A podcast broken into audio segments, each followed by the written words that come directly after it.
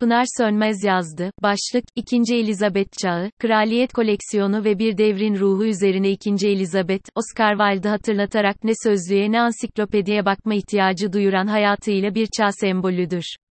2. Elizabeth'in sanatla, kadın-erkek eşitliğiyle, zamanın devrim ruhuyla, savaş sonrası dünya ile ilintili yaşamı, bir resmi geçit töreni gibi gözlerimizin önünden geçiyor. Oscar Wilde, The Truth of Masks, Maskelerin Hakikati adlı makalesinde yazar, sahne, sadece tüm sanatların buluşma noktası olmakla kalmaz, aynı zamanda sanatın hayata döndüğü yerdir. Kadim dünya orada uykusundan uyanır ve tarih bir geçit töreni gibi gözlerimizin önünden geçer ve onu takdir edebilmek için ne sözlüğe ne de ansiklopediye bakma ihtiyacı duyarız. 8 Eylül 2022'de Buckingham Sarayı, Kraliçe Elizabeth'in vefatını duyurdu. 96 yaşında, İskoçya'daki Balmoral Kalesi'nde hayata gözlerini kapatan kraliçe hayatının 70 yılı boyunca görev başındaydı. 6 Şubat 1952'de eşi Prens Philip ile Kenya seyahatindeyken babasının ölüm haberini öğrenen Kraliçe Elizabeth, tahtın yeni sahibi haline geldi. Yaklaşık bir yıl sonra Kraliçe II. Elizabeth için ihtişamlı bir taç giyme töreni yapıldı ve Elizabeth tarihe ilk kez televizyonda yayınlanan taç giyme töreni ile geçti.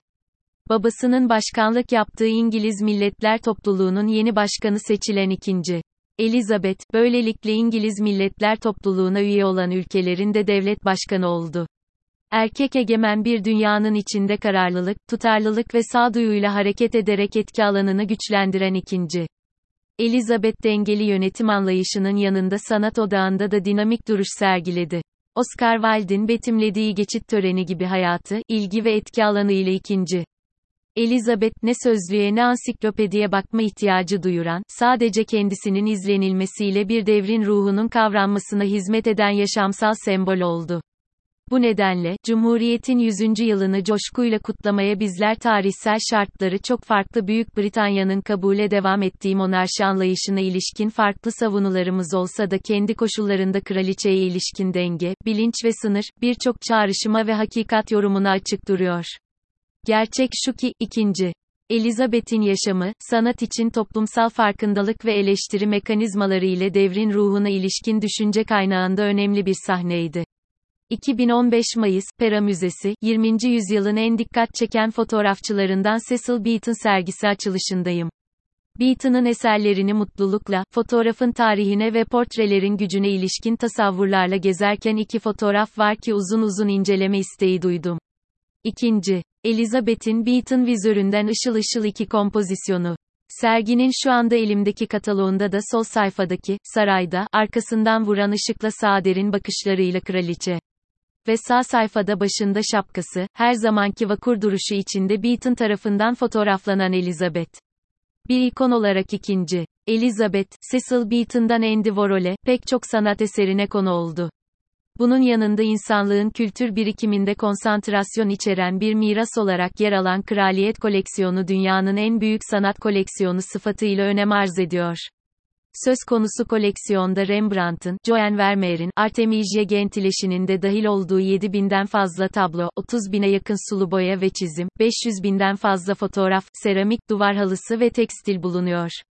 Ayrıca çok sayıda zırh, el yazması ve heykel koleksiyonu var. Kraliçe, koleksiyonun halka erişilebilirliğini ve sürekli güncellenmesini hedeflemişti. Günümüzdeki vaziyette, koleksiyonda 1 milyondan fazla parça var. Kraliyet koleksiyonu kraliçenin mülkü olmamakla birlikte koleksiyonla ilgilenmek kraliçenin sorumluluğuydu. Nitekim sorumluluk hususunun altının kraliyet tarafından çizilmesi, sanat hukukunda, sanat eserinin sahipliği, neden ziyade, kullanım hakkı, neden bahis açmamıza ilişkin ince detayın izdüşümü niteliğini taşıyor. Koleksiyon daha önce kraliyet ailesi tarafından yönetiliyordu, ancak 1993 yılında bir hayır kurumuna devredildi. Bu vakıf, kraliyet koleksiyonundaki tabloların ve diğer eserlerin bakımından sorumlu hale gelirken kraliyet sarayları, halka açılmadan elde edilen gelirle finanse edildi. Yaz aylarında, kraliçenin ikamet etmediği zamanlarda saray ziyareti açıktı ve böylece yeni tür gelir kaynağı sağlandı. Nokta. Kişisel koleksiyonlar, belirli bir dönem çizgisiyle çerçevelenebildiği gibi bireysel beğeni ve sanat anlayışı ile de ön plana çıkarken, kültürel kurumların koleksiyon politikalarında bir çağın işlerlik alanındaki bütünsel ve teşvik edici tutum göze çarpar. Öte yandan, hükümdar hazinelerinin sürekliliği koleksiyonerlik mantığı içinde son derece mühim kabul edilmekte olup, bu eserlerin sistematik ilişkilendirmesinde sanat tarihi açısından kıymetli entelektüel donanım meydana gelir koleksiyonun, çağını yansıtması bakımından, Arthur ile müvekkilim değerli bir sanatçımız için hazırladığımız eser alım-satım sözleşmesinin imzası esnasında sarf edilen ifadeyi özellikle önemserim, ülkemizin modern sanat tarihine ilişkin bir koleksiyon olacaksa bu eser olmadan düşünülemez. İşte Kraliçe Elizabeth'in kraliyet koleksiyonu da dünyanın modern sanat öyküsünde adı geçmeksizin düşünülemeyecek pek çok eserin bulunduğu ciddi birikime sahiptir. Kraliçe 2. Elizabeth 60 yıldan fazla süre hüküm sürdü ve İngiliz tarihinin en uzun süre görev yapan hükümdar oldu. Elizabeth konu olduğu sanat eserleriyle, sorumluluğunu üstlendiği kraliyet koleksiyonu ile, elbette tüm bu sanatsal ve hayatsal oluşum yanında dengeli politik anlayışıyla, Oscar Wilde atıfla ne sözlüğe ne ansiklopediye bakma ihtiyacı duyuran hayatıyla bir çağ sembolüdür. İkinci, Elizabeth'in sanatla, kadın-erkek eşitliğiyle, zamanın devrim ruhuyla, savaş sonrası dünya ile ilintili yaşamı, bir resmi geçit töreni gibi gözlerimizin önünden geçiyor.